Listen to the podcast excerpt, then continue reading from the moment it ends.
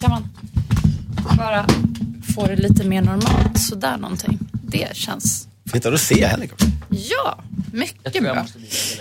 Dilemma med Anders S. Nilsson på Mix Megapol. Hej och välkommen till podcastversionen av Dilemma. Idag så är jag Martin Timell, vikarie för Anders S. Nilsson. Och här i podden, exklusiv inledning. Den här hörs nämligen inte i radio. Och vi kör några av paneldeltagarnas dilemma, alltså ingenting som ni har skickat in. Men sen fortsätter programmet som vanligt. I panelen idag, Henrik Fexeus, Josefin Crafoord och Anton Körberg. Josefin, vill Ja. du delge oss lite livskunskap i form av ett dilemma? Ja, alltså det här är ju en, det är ett litet samvetsdilemma kan man säga som eh, jag går och bär på, som tynger mig. Eller ja, jag vet inte ens om det tynger mig. Det är det jag måste kolla med er. Om, om det ska tynga mig eller om, om jag kan liksom gå rakryggad någonsin igen. Så här är det. Jag eh, var på väg hemåt i eh, trakterna där jag bor, Enskede, Kärrtorp, Bagis. Då kommer det en skön dude cyklandes på en alldeles för stor cykel för honom. Och bara, tjena, tjena snygging, ska vill du tjacka en cykel eller? Jag bara, "Eh, ja, vad kostar den då? Eh, ja, som han frågar. Eh, Exakt. Alltså, jag, tänkte så för jag har tänkt så här, på landet, jag har ju skaffat ett landställe, men jag har tänkt att där vill man ju ha cyklar, såklart. Ehm, Och de stulna är ju de bästa. Nej men då, då säger... Då säger du fattar ju vart det här barkar om man säger så. Nej men han säger då, han lovar att försäkra att det här är hans systers cykel som han är så trött på. Och jag är ganska trött och bara tänker att den där ser schysst ut och sju växlar och fin damcykel, eh, glänsande röd. Ja, 400 spänn. Och så hör jag mig själv säga, ja du kan få 200, för jag vet att jag har en 200 i min plånbok. Och han bara, okej, kör till för att du har så vackra ögon. Och helt plötsligt så eh, befinner jag mig på den här cykeln cyklandes på väg hem och bara, vad hände där? Eh, Häleri? ja, jag, jag inser ju att det kan vara så att han in, att det inte var hans syrras cykel. Samtidigt så var det ju det han sa och det var ju det jag någonstans så här, okej, bra, 200 spänn. Men vad är Värsta- ditt dilemma då? Ja, Du dilemmat- verkar ju rätt nöjd och glad här. Det är, jag är ju nöjd och glad, men så känner jag så här. det är ju ändå något som ligger och gnager. Och nu är frågan, ska jag göra något åt det här? Ska jag sätta upp lappar? Ska jag skicka, ska jag, eller ska jag bara så här, okej jag råkar göra det här. Ska jag ha dåligt samvete? Säg vad, alltså ska jag, bara, ska jag må dåligt eller ska jag må bra? Alltså, jag, jag orkar inte.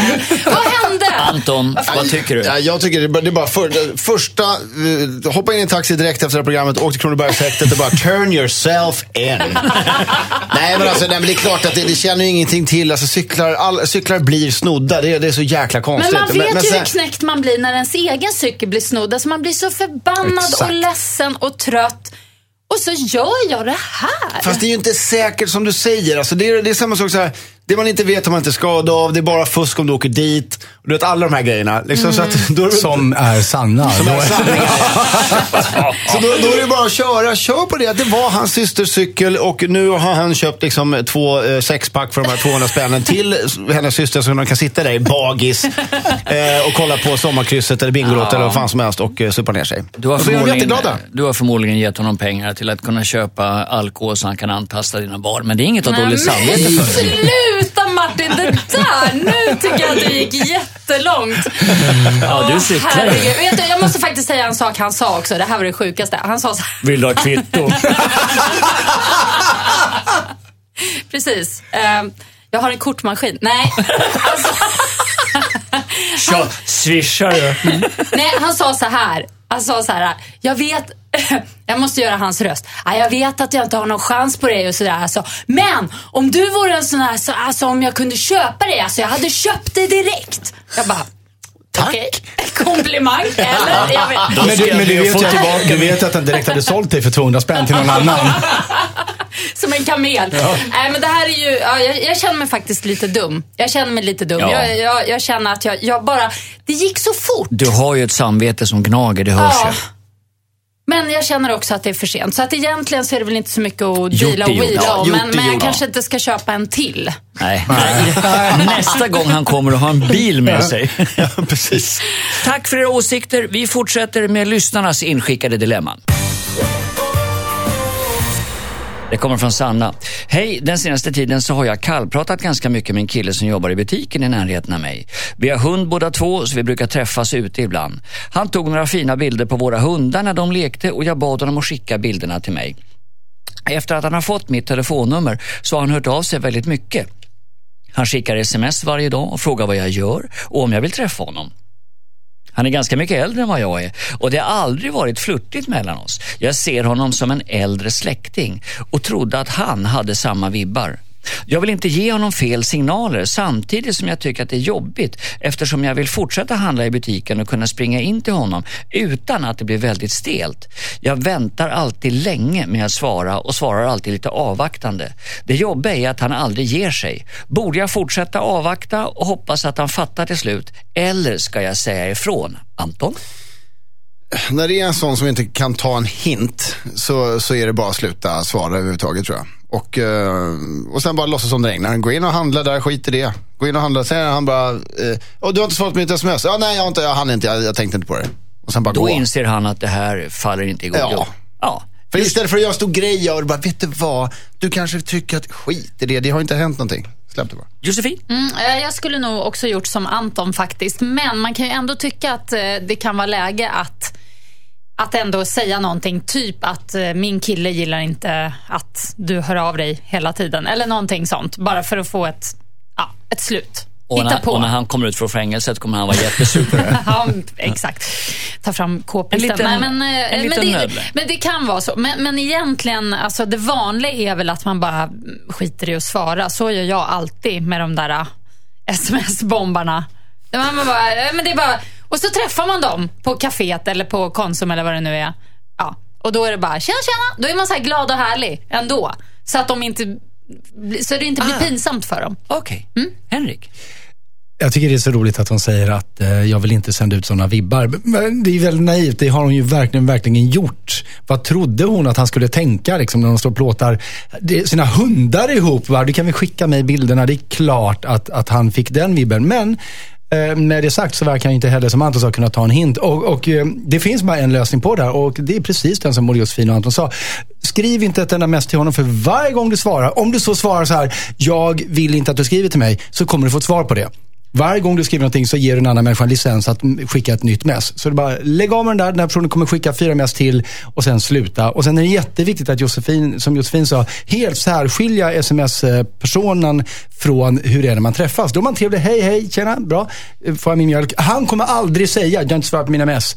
Eh, För, för så beter sig inte folk, folk separerar det. Och skulle han säga det, då är det bara, nej just det. Det är inte svårare än så. Ja. Det är riktigt. Ja, Ja, egentligen. ja, så Och det är bara att ja. sluta. Ge dem inte lillfingret. Jag, jag hade en, en, eh, jag har en personlig erfarenhet av det här på ett helt annat plan som var helt bisarr.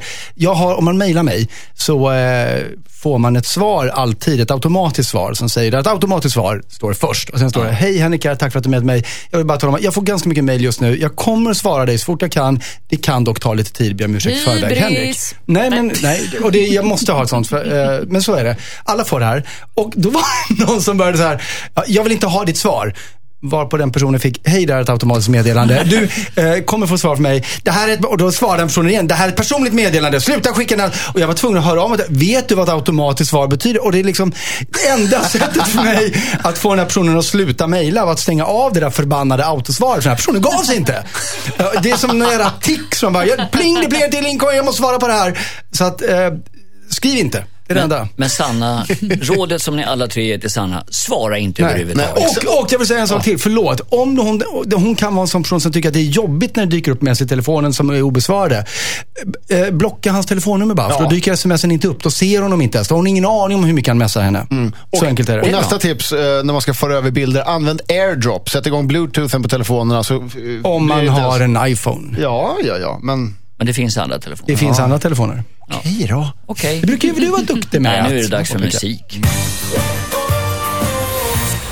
Hej panelen, jag är en tjej på 18 år och jag är så jäkla trött på mina vänner. Alla har skaffat pojkvän och förvandlats till riktiga tråkmånsar. De har inget annat att prata om än hur fantastiska deras killar är och hur deras framtidsplaner med hus och barn ser ut. Jag känner mig svimfärdig över att de är 18 år men har förvandlats till medelålders kvinnor som verkar ha gett upp allt vad socialt liv heter. Själv är jag den eviga singeln som lämnat förhållanden bakom mig. Jag trivs ensam och njuter av utelivet. Men jag har inga tjejkompisar att dela det med. Eftersom mina vänner hellre kollar på hus på Blocket med sina tråkiga pojkvänner. Hur löser jag detta? Ska jag envist fortsätta umgås med mina vänner trots att vi är helt olika? Ja, Josefin, du får börja. Ja, nej, jag ryser ju lite här. Det, alltså, just så här, de är ju i princip barn som leker vuxna. Och det här fattar man ju, det är ju en övergående period, tror jag. Jag tror inte det är någonting som kommer hålla i sig så himla länge. Men just nu är de i den här fasen och det är det som gäller och de kör sina parmiddagar och så vidare. Så att hon måste ju söka vänner på annat håll, helt enkelt. Um, och det kan man ju hitta. På, på Blocket. på Blocket. Nej, men, eh, det är ingen idé att försöka... Liksom, hon ska ju inte vara kvar med dem. Hon ska låta dem hålla på med sitt och sen kommer de komma till henne för de kommer ju tröttna på det där. Men jag undrar vart hon ska hitta kompisar om hon bor i en liten småstad eller så. Hon kanske ska bara gå ut själv en kväll. Ja, hon trivs ju med, ja, men hon verkar ju bo i en stad där det är ett fungerande uteliv som hon skriver. Ja, då kan hon ju gå ut och så träffa lite folk. Eller så här, via nätet och så kan man ju träffa kompisar. Kanske någon, någon hobby. Hon kanske gör någonting. Spelar tennis eller drejar eller någonting. Nej, hon måste hitta kompisar på annat håll. Det här låter hemskt. Anton? Eh, jag tycker eh, att eh, hon ska, nej jag ska inte ditcha sina kompisar. De är ju kompisar, men det är verkligen så att det här är ju en övergående fas. Jag, jag ser framför mig hur de sitter med så här pälsmössor och typ så här boer och, och dricker kaffe i tomma koppar och bara, Ja, åh, visst var det gott med kaffe? Och det är sådana här saker. Dadda, hink och spade verkligen. Ja, nej, men så det, det, det är ju verkligen en övergående fas. Men alltid när det är sådana här dilemman, det spelar ingen roll när det är eh, att det är pojkvänner eller om det är intressen eller någonting, så måste man faktiskt som kompis säga så här, vet du vad, jag vill träffa dig nu. Och jag vill inte, ba, bara dig, jag tycker vi går ut på bio, vi gör det. Och eh, jag vill inte eh, snacka om pojkvän, eh, skit i det. För jag, jag, jag, Jag har ett tråkigt. rätt bra tips där. Lunch. Därför att är det middag så väntar man sig ofta två stycken. Men lunch, det är nästan outtalat du och jag bara. Fast det är så Jo, kort. fast det är så, det är så kort. Ja, det är alltid lite hetsigt och stressigt. Oh, jag gillar inte Nej, lunch. det är bättre Nej. att bara säga, jag vill ha en tjejkväll med er. Okej, Skit i era snubbar. Då tar jag tillbaka det och påstår motsatsen. Aldrig lunch. Henrik, vad säger du? Ja, innan jag ger mitt svar så vill jag bara kommentera att, att eh, Anton och Josefin här, eh, som våra lyssnare redan har insett, de flesta av dem, Eh, som ni hör så lever alltså Anton och Josefin i en värld där man skaffar gemensamt boende i en snittålder på 35. För så ser det ut i den staden där Josefin och Anton bor. Men det ser inte alltid ut så överallt i Sverige. Och jag tycker inte alls att det skulle vara konstigt om vår kära brevskrivare bor i en stad där det faktiskt är så att man brukar stadga sig köper sitt första hus när man är runt 20-årsåldern. Om de är 18 eller drygt 18 så är det inte alls nödvändigtvis dadda, hink och spade att de letar hus. Tvärtom. Det är kanske Josefin och Anton som har varit och spade lite för länge i sina liv. Nu har jag sagt det och nu ska jag ge mitt svar. Har du sett 18-åringar på sistone? ja, Nej, så. för de har näsan i Pokémon Go, så man ser Så bara sant. huvudkalotten på den. Eh, nej, men så här. eh, faktum är att Josefin är så klok idag så att jag behövs knappt i den här studion. Därför att eh, Klart hon ska skaffa nya vänner. Släpp de här ett tag. Och Det kan man göra på två sätt och Josefin har redan nämnt båda. Antingen är man mer, mer strukturell och då funderar man på vad har jag för intressen? Och så söker man upp folk som har liknande intressen. Jag tycker om drakflygning. Ja, men då går jag en kurs i drakflygning. Eller går med i en förening som håller på med drakflygning. För där träffar likasinnade. Så får man nya vänner. Vill Men man är det så liten stad så har vi ingen man, drakflygningskurs. vill man, Nej, men då kan man göra någonting annat. Okej. Eh, vill, man, vill man inte vara så strukturerad utan bara lite mer spontan. Jättebra idé igen att gå ut själv. Det gjorde jag ett tag. Jag har aldrig lärt känna så mycket nya människor som när jag var ute själv. För då hade jag ett val. Eh, Och det valet var antingen står jag här själv och känner mig lite bortgjord och har tråkigt. Eller så pratar jag med den här människan där borta. Och förhoppningsvis är det en rolig person. Men på något sätt så är ju diskussionen... Det kräver att hon är social, men- Ja, men nu är ju diskussionen utifrån att hon skulle förlora de här kamraterna för tid och evighet. Tror ni att de kommer tillbaka? Ja, ja, ja, ja, ja, ja absolut. Det kommer hon- hända. Hon Men sen ju... kommer ju hon träffa en snubbe också, då pang så är hon med dem. Eller tjej. Eller tjej. Bra. Snyggt. 2016. Herregud. Mm. Ja, ja. Jag tänker om hon, kan vara, om hon kanske ska gå in och röra om i grytan lite. Kanske... Ligga med någon som ja, jag- ja, det var det jag tänkte. Bara för att liksom stöka till det. Jag tror, vi, jag tror vi nöjer oss med tipset att, att eh, eh, Fredrika faktiskt eh, går ut och skaffar lite nya vänner. De gamla finns kvar. Ja. Okej då. Skicka in ditt dilemma till dilemma@mixmegapol.se. Henrik Fexeus, Josefin Crafoord, Anton Körberg. En trio, en orgie i trygghet och klokskap. Men nu ska ni få någonting att bita i. För det här är inte helt enkelt. Petter har skickat in ett dilemma till oss. Han har träffat en tjej efter 40 år och det är hans första tjej.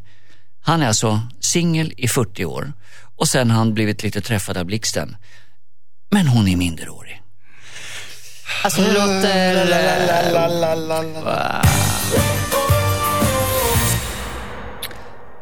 Killen som har skrivit in kallar sig Petter. Hej Dilemmapanelen. Har nyligen börjat lyssna på er och går igenom alla avsnitt på Radio Play. Jag bara älskar er. Men nu till mitt dilemma. Jag är en kille på 39 år. Jag lider av flera olika psykiska problem. Ett av dem är social fobi. Därför har jag väldigt svårt att få kontakt med människor, speciellt med tjejer. Nu har jag äntligen träffat en tjej. Hon är min första flickvän och det var hon som tog min oskuld. Så med andra ord, jag var oskuld i 39 år. Saken är denna. Tjejen är 17 år.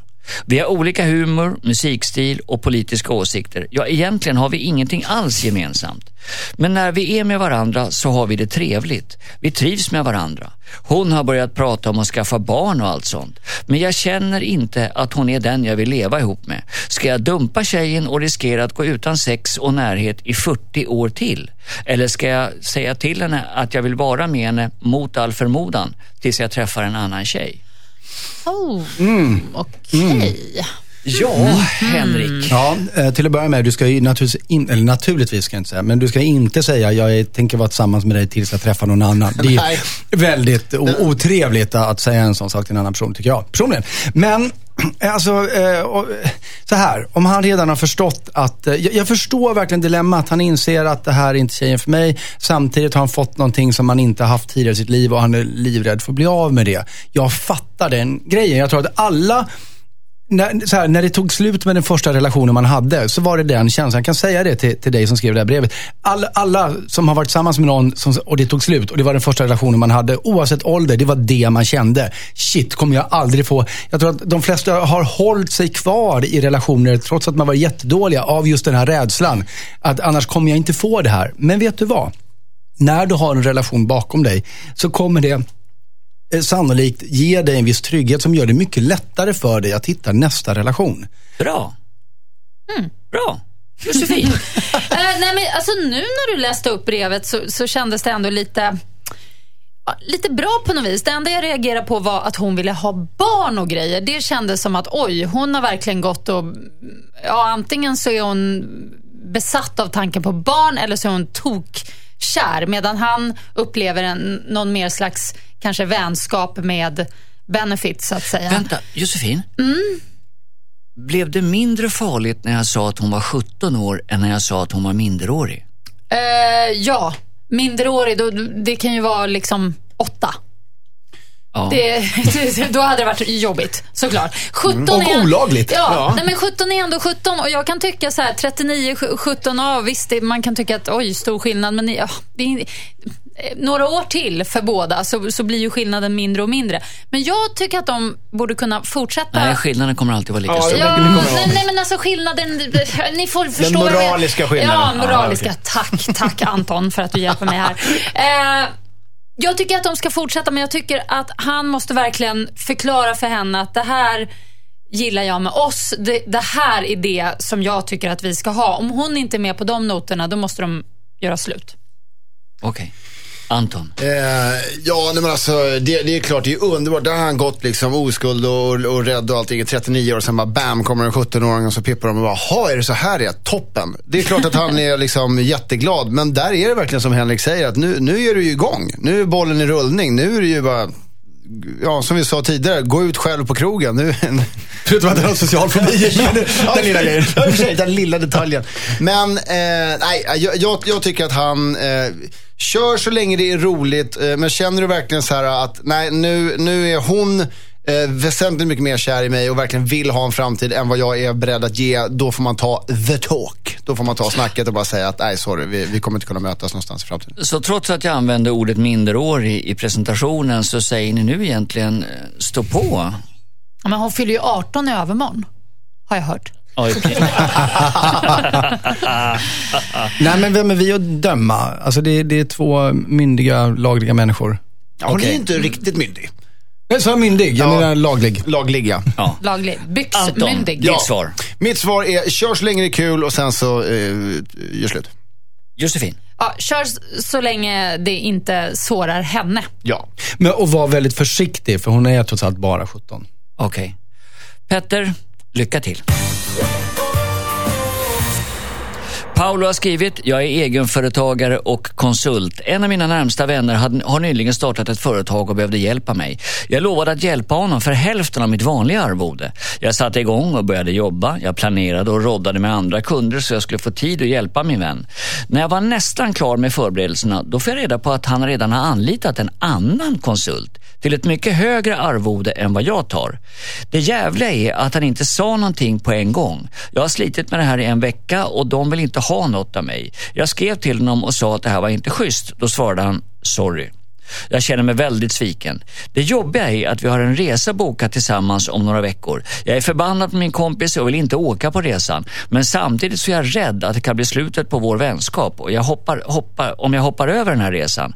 Borde jag avboka resan med min vän eftersom jag känner mig sviken?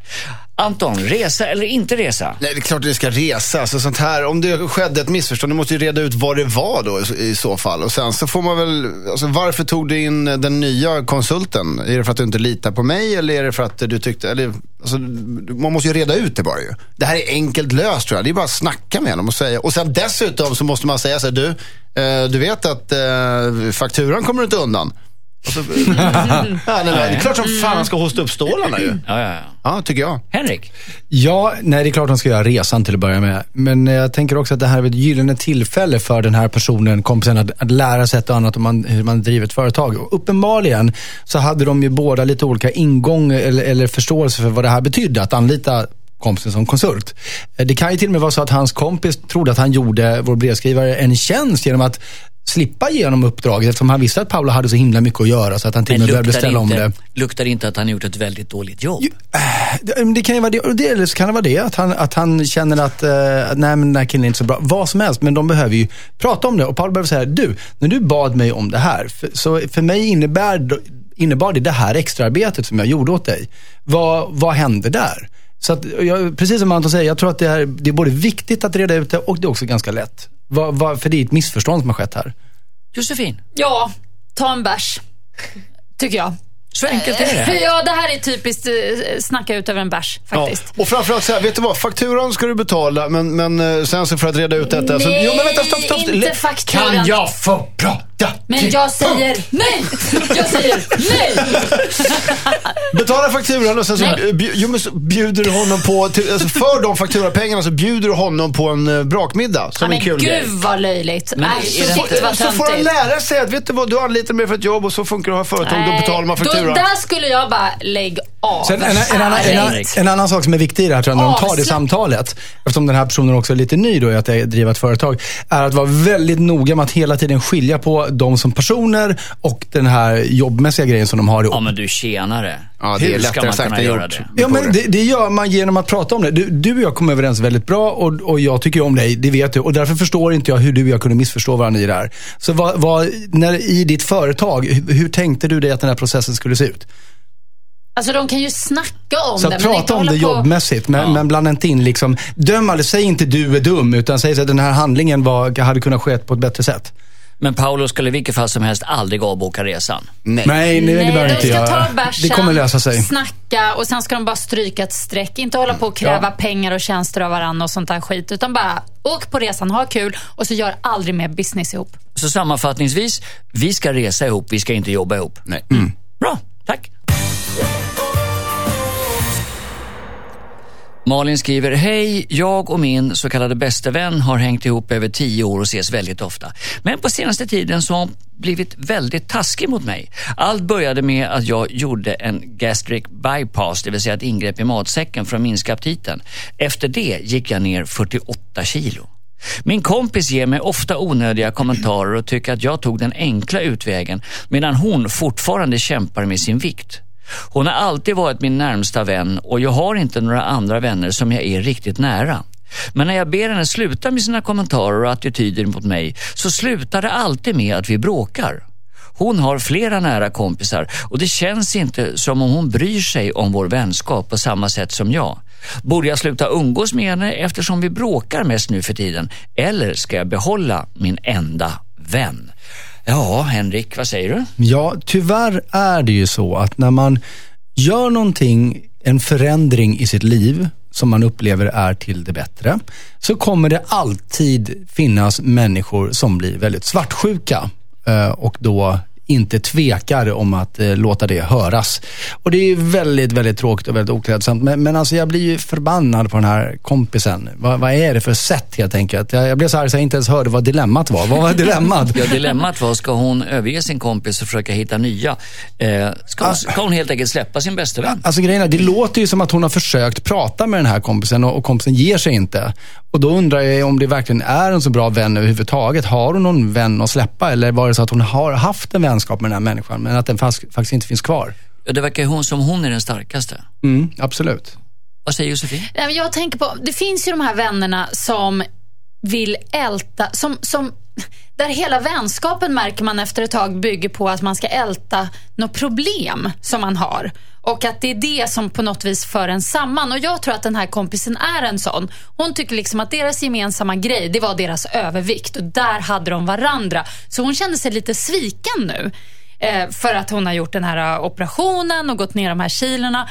Eh, och jag tror tyvärr att hon måste markera ganska tydligt här hur, att, hur? Eh, ja, för det första säger jag från en gång för alla, ordentligt. Om det ändå fortsätter, då får hon sluta umgås med henne. Då är det stopp. För att mm. det där kan man inte ta. Och då är det ingen, det är ingen schysst vänskap. För det är en sån här vänskap som är en nedåtgående spiral där det bara handlar om att man ska eh, man ska bara älta liksom sånt som är jobbigt och tungt och bö, bö, bö, bö. Här är någonting som är, som är bra för henne. Något har gått bra. Det ska liksom Ska... Hon är lite missundsam. Ja, det är väldigt missunnsamt och väldigt... Eh, nej, det är den där svartsjukan och eh, besvikelsen över att kompisen har kommit ur ett problem som hon fortfarande har. Okej, okay, Anton. Jag, jag, jag känner lite förvirrad för att jag, jag, tänkte bara på när du sa så här, gastric bypass på matsäcken hade de skrivit. Och så såg jag framför mig hur de hade satt en sån här metallring på en plastpåse med en macka och en banan i. Så att jag blev det typ så. Mag det är typ så. Ja, jag vet. Jag vet ja. Magsäcken, ja, precis. Ja, heter det. Men, Sa jag matsäcken? Ja, ja, jag gjorde det. Men, men, så att det är så här, det är två tjockisar, en har gått ner 48 kilo och nu är, det, nu är det hela och halvan helt enkelt. Ja. Okej, okay, toppen. Då, då är jag med. Vet, du, vet du varför jag sa matsäcken? Nej. Det står det ja, men det, ja, Såklart, ja, ja, ja precis. Ja, jag borde ju tänkt själv. Ja, nej, nej, nej, nej, det är inte du som är korkad, det är hon. Ja. Skriv gärna in till dilemma.mixmegapol.se Nej, men alltså, nej, men självklart så är det så här, när det är, när det är en sån, sån stor förändring och liksom, hon måste ju må toppen nu och har gått ner 48 kilo. Det är klart att hon liksom eh, snackar om det. Det är ju världens grej Och så har man den här stackars eh, andra tjocka liksom, personen som ser det här då, liksom förändringen och allting. Det är klart att det är jobbigt och funkar det inte så sorry, då, då går det inte. Då var det ingen riktig vänskap? Nej, i så fall inte. Okay. Hon är snygg nu. Hon ska ha snygga kompisar. Ja! ja men snälla. Oh, nej, uh. nu vart det fel. Det var ett jättedåligt skämt. Okej. Okay. Okej, okay, så i princip säger ni, eh, säg ifrån. Funkar det inte, så stick därifrån. Ja. Mm, då kommer hon komma sen, efter ett tag ändå. Ibland kan polare behöva paus också för att liksom hitta tillbaka i en fräschare vänskap. Och då ja, kanske hon är ännu tjockare. Ja, så kan det vara. Hej! Jag har träffat en kille sedan ett halvår tillbaka. Han har ett barn som är tio år. Barnet kommer alltid in till oss vid samma tidpunkt på natten och väcker oss båda för att lägga sig i sängen. Jag ligger så långt ut på kanten som det går med barnet klistrat på ryggen och ett knä i ryggen. Jag tycker att barnet borde kunna sova i sin egna säng så vi slipper vara trötta, griniga och gå till jobbet med verkande ryggar. Men jag vet inte hur jag ska säga det till min partner. För honom är det självklart att hans barn ska få komma in till oss om natten. Vi har inte varit ihop så länge så jag blir lite orolig över att ta upp det här. Men jag är så trött på att inte få sova ordentligt. Borde jag säga till min kille att hans son förstör min sömn, Anton? Eh, ja, eh, absolut. För att, eh, hur gammal var barnet? Tio år. T- tio år dessutom? Nej men varför? då är det ju sjukt. Nej. Nej. Jo, vet du vad? Nej. Det är alltså alla ni nu som har barn där hemma och ny, nya och bull i ugnen och allt vad det nu är.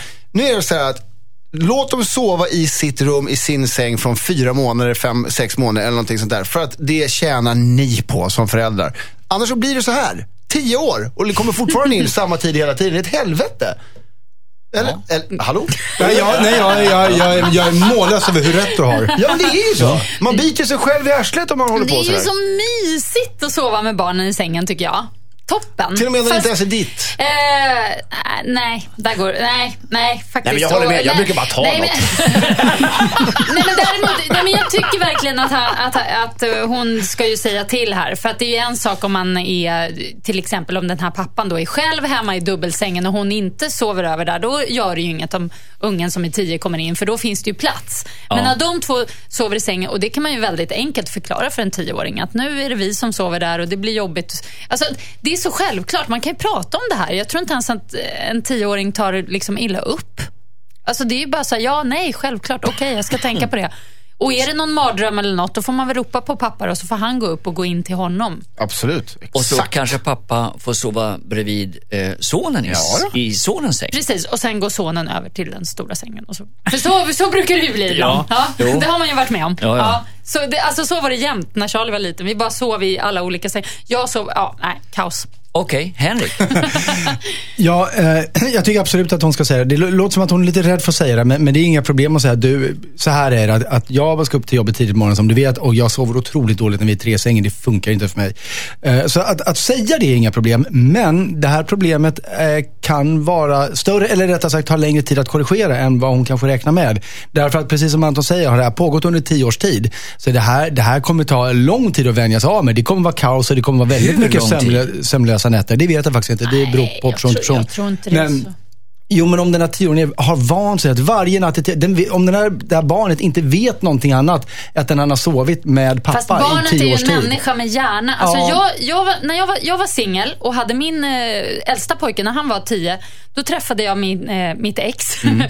Kom in i bilden. eh, alltså, det låter så konstigt. Men då, och då sa han så här, nej men för att i och med att jag var själv med, eh, får tänka nu, Rodrik.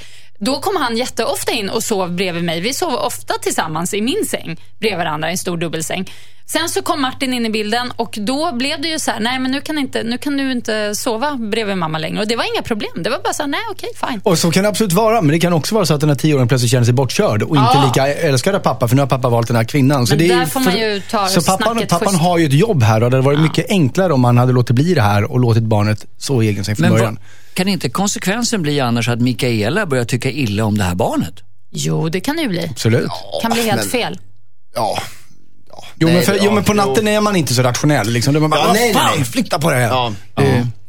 Så vad säger vi då?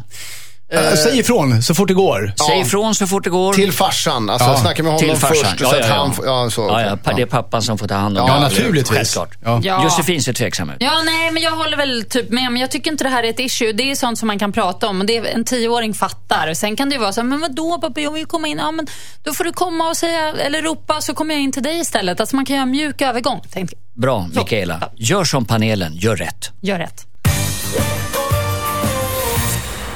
Hejsan! Jag och min sambo har varit tillsammans i två år och känner en stor kärlek till varandra. För fyra år sedan hade jag ett sexuellt förhållande med hans kusin. Min kille är väldigt nära sin kusin och vet om att vi har haft ihop det. Men det senaste halvåret så har hans kusin börjat flirta med mig igen när vi ses på fester. Det är inget som min sambo har märkt av. Ibland har jag småflörtat tillbaka även om det är helt oskyldigt från min sida. Borde jag berätta för min sambo om det här flörtandet? Josefin! Oj, oj, oj. Men jag började ju tänka så här. Hon hade någonting med kusinen och sen blev hon då ihop med den kusinens kusin som nu är hans, Kille. hennes kille. Kille, ja. Och nu är kusinen tillbaka. Så liksom, vem, vem var först? Och vad, vad, ja, Kusinen nej, var ja. först. Ja, ja kusin. Så det, det är två kusiner här som hon jobbar med. Ehm, Är hon, var, var hon lite sugen? Ja, alltså hon håller ju på här med att flörta. Hon uppmuntrar flörten, eller? Ja, O- hon oskyldigt från säger, hennes att, sida. hon Lite säger att hon oskyldigt.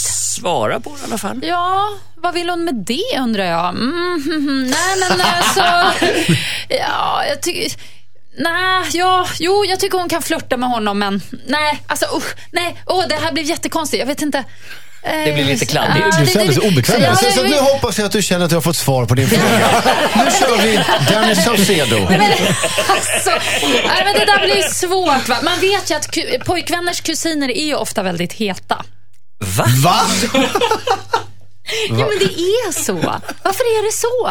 Det är Det jättekonstigt. är ju inte så. Anton? Jo, så är det. Okej. Jag lovar Eh, att du har en het kusin. Eh, nej, det har jag inte. Men dä- däremot, däremot eh, så är det ju, nej, men, det är den här klassiska flörtgrejen. Hon känner att eh, eh, det är lite, liksom, ja, lite bekräftelse och allt det där. Tycker hon är kul. Och så flörtar hon lite tillbaka på kul. För det är ju hennes ex egentligen. Liksom. Eller, eller bara sexrelation eller vad det nu är. Så att det, om de inte hade ett seriöst förhållande så finns det bara en sexuell attraktion som de byggde allting på. Vilket är det man minns då. Och då blir hon påminn av det. Så det är ju lite en prekär situation och lite jobbig sits. Men självklart så är det ju inte bra när det är, eftersom de är nära och det är kusin, att flirta överhuvudtaget. För att det kan ju bara leda till bekymmer. Så det tycker jag hon ska eh, sluta med Jag egentligen. är rädd att hon missförstår faktiskt. Men hon flörtar ju tillbaks. Jo, men jag tror inte han flörtar. Jag tror han är mer så här, men gud, vi har ju haft ihop det. Var... Alltså, jag tror hon, hon tror att han flörtar, men han är bara lite så här skön snubbe. Jag är väldigt nyfiken Okej. just nu för jag har inte sett Henrik Fexeus så bekymrad på väldigt länge. Jag undrar ju var de bor någonstans där det bara finns en enda släkt som hon liksom kan, kan beta av. Vidga dina horisonter en smula skulle jag vilja säga. Men, men eh, Vad bra att du sa horisonter, förlåt. Ja. vad skulle jag sagt? Nej. Alltså, vad, va? Nej, men det var så här sexsnack och så gick jag för långt. Ja. Ja, Jag går okej. en bit ifrån mikrofonen. Ja, gör det. Ja. Hej då, Anton. Eh, nej, men, men, men alltså, jag tror inte alls att det är just, som Josefin säger, att han är bara skön snubbe. Han vill ligga för att han vet att det har han fått förut med henne. Det här ska nog gå bra. Så att, men jag tycker, där, speciellt som de här två kusinerna är väldigt nära varandra också, så är, är det verkligen så att hon inte vill någonting med den här kusinen, att hon är 100% säker på att det är jag och min kille här nu. Lägg av med den här flörten på en gång. Därför att det, det finns en stor risk för att det kommer Hon upptäckas kanske annars. uppmuntrar. Absolut, det tror jag verkligen att hon gör. Bara det faktum att hon inte, liksom, att, att hon bekräftar den räcker ju för att uppmuntras. Är det inget viktigt så lägg ner, säger Ja. du. Ja, Men Josefin då? jag, ja, men jag tänker att om hon ligger med kusinen så är det på ett sätt är det ganska optimalt. För jag tror inte att det kommer komma fram. ja, men alltså, jag tänker att det kommer ju inte... Det kommer inte... Alltså det här är ju... Det är optimalt för hennes nuvarande relation. Okej, Ja, det, det är optimalt för henne att de är kusiner menar jag. Nu för blir det jag här... väldigt orolig för nu har jag aldrig sett Anton så här bekymrad. Nej, men jag, tänker, hur, hur, jag undrar bara hur Josefin tänker. Du menar bara för att de här två kusinerna är väldigt nära varandra så skulle han då som hon kommer ha en affär med, som hon hade en sexuell relation med tidigare, aldrig berätta det? Det är så du menar? Ja, precis. Så Och därför det... är det optimalt. Till skillnad från om det var två människor som bodde i olika städer och inte kände varandra. För de pratar ju hela tiden.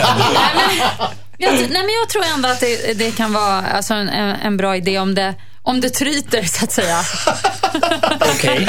Om, vi, om vi sammanfattar det här så skulle jag vilja skicka följande hälsning till Hilda. Du kan välja vilken av de två metoderna som panelen har föreslagit. En är rätt och en är fel.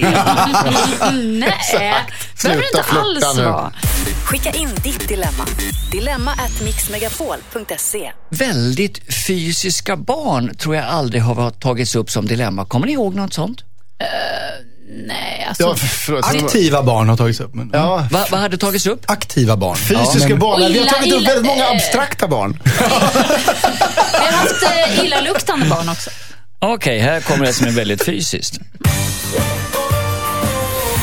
Det är inskickat av Thomas. Hej, vår son är 11 år gammal och han är väldigt kramig av sig. Han gillar att kramas, pussas och sitta i knät. Vi har alltid tyckt att det är gulligt av honom.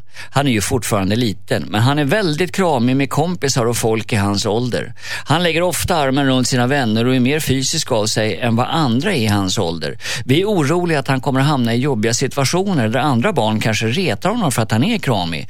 Vi vill ju samtidigt inte skicka signalen att det är fel att kramas och röra vid varann. Borde vi ta ett snack med honom eller låta honom upptäcka det på egen hand? Borde Albin alltså prata med, eller förlåt, Thomas var det, prata med sin son om kramarna? Nej. Hur gammal var den här sonen? Elva. Nej, men han, Nej. får, han får väl krama så mycket han eh, vill. Och Det sen är så, ju ljuvligt Det är men, underbart med ju. mycket fysiskt. Jag, alltså det där tror jag är... Jag tänker krama dig nu, Josefin. Ja, men ge mig! Om, om medan de Det är kramas, medan de kramas så kan jag berätta. Det här, jag har exakt, det- det här är som hämtat från mitt liv. För jag har en, en son som idag är 13, men som alltid har varit väldigt, väldigt fysisk. Det ska liksom alltid hålla i en kroppsdel, kramas gärna jämt och även nu. Han kan bara komma förbi och så här, behöver en kram. Och, och det, är ju ba, det har bara varit gynnsamt för honom i hans liv. Det har aldrig, aldrig någonsin lett till något negativt och det kommer inte göra det heller. Men har inga av hans kamrater blivit överraskade över Nej. hans närhet? Nej. Alltså grejen är, det är nya tider nu också. Det är stor skillnad. Jag har märkt på, för min son är exakt likadan. Han är också 11 år och jättekramig och mysig och pussig och kramig och sitta knä. Allt det där. Och han är så med kompisar också, men de är också så. Det, det har förändrats. Det är mycket mer, vad ska man säga, det är inte det här tuffa längre. Åh, nu bara att man ska vara så himla bufflig, utan det är mer kramigt. På ett bra sätt. Det här är jättebra. Det är toppen. Anton?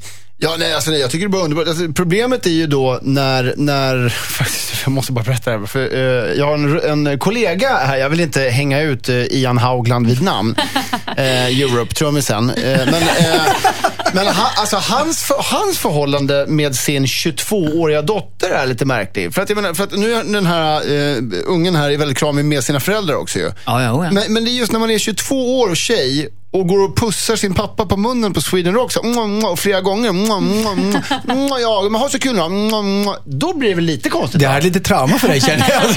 Nej, men jag, jag var tvungen att säga till, för folk bara liksom, åh, kolla det där bara, Det är hans dotter. Va? Nej, de håller på att pussas. Det är det jag säger. Nej, men man kan göra det. Man kan faktiskt göra det. Det kan se konstigt ut för den som tittar och som tror då först att ah, det här är ju ett ragg eller pojk-flickvän och så bara nej, det var dottern. Nej, han vad hånglar, konstigt. han hånglar med sin dotter. Toppen. Men- men för att Inte åter- hångla, inte tung, de tunghånglar ju inte. Det var är en liten puss jävligt på nära. munnen Men, men för att återgå då till Ja, vår ja, brevskrivare. Tack Henrik. Jag Så, så förstår jag inte riktigt vad han skulle kunna säga till sin son heller. Liksom, du ska som- inte kramas lika mycket, var inte så här, nej, Ja, bara, nej, ja, bara nej, ge det- honom, det ge honom skuldbeteende. Alltså bara så här, det, det, vi människor mår ju bra av fysisk beröring. Vi dör om vi inte får fysisk beröring till och med när vi är små. Det, det finns ingenting negativt med det. Hans son kommer inte råka illa ut eller vad, vad det. Jag förstår Nej. fan, Jag tror att det är lite så ga- gammaldags tänkande. Jag hade ett ex en gång som jag inte vill eh, hänga ut vid namn som var med i en grupp som hette... Nej, jag ska Han var i alla fall trummis. men, han var väldigt också så här... äh, Ja, alltså han hade någon konstig idé om att barn inte, att det inte skulle vara så fysiskt och att man liksom när man har blivit lite större så ska man inte sitta i knät och sånt där. Jag fattar inte det. Jag tycker tvärtom. Det är väl helt underbart. Och, och nu vill jag, nu vill jag eh, hissa en liten flagg apropå det. För det finns en liten trend just nu eh, som har blåst genom medieklimatet. Eh, där en av, en av bieffekterna har blivit att det plötsligt är fult att röra vid sina småbarn därför att alla är rädda för att vara pedofiler just nu. Eller bli stämplade som det. Och, och jag, Va? Ja, absolut. För det har skrivits så mycket om det i media och det finns listor med om du gör så här med dina barn, då kanske du är en sexual offender. Eh, och jag pratar med föräldrar som är så här, men jag pussar på mitt barn överallt på hela kroppen. Men enligt de här, det som står i kvällstidningarna nu, då är jag pedofil. Eh, och ni, ta era barn, rör vid era barn, pussa på era barn överallt. Det är okej. Jag vill Nästan verkligen vara överallt. jättetydlig. Ja, Alltså så här, om du, om du har en son som är, som är en månad gammal och du pussar honom på snoppen, det är inte en sexuell handling. Nej. Så, eh, och jag vill verkligen vara tydlig med det, för, som någon form av motvikt mot den här vinden, skräckpropagandan som har gått genom media just Ja, nu. Skitviktigt. Bra. Så att, eh, jag tror att vi är eniga där. Ja. Eh, Pussa, krama hur mycket du bara Ta, vill. Ja, det- ta efter din son Ja, istället. Ja. faktiskt. Ja. Gnällspik. Precis. Ja, åh, vad det slutar uppåt. Bra. Nu ska jag krama Henrik också. Ja. Ja, ja. Hörni, panelen, tack så hemskt mycket Henrik Fexeus, Josefin Crafoord och Anton Körberg. Lysande åsikter och klokskap. Eh, och så mejla in era dilemman om ni vill ha dem diskuterade här. Dilemma at mixmegapol.se. Vi byter ut namn så att ni kan vara anonyma. Vill ni inte vara det så kan jag garantera att ni kommer att vara det ändå. Vi byter namn. Nästa helg är vi tillbaka med nya dilemman. Ha en underbar söndag. Och Tack kramas hej. mer. Kramas, Kramas. mer. Hej då. Tack. Pussas på hela kroppen.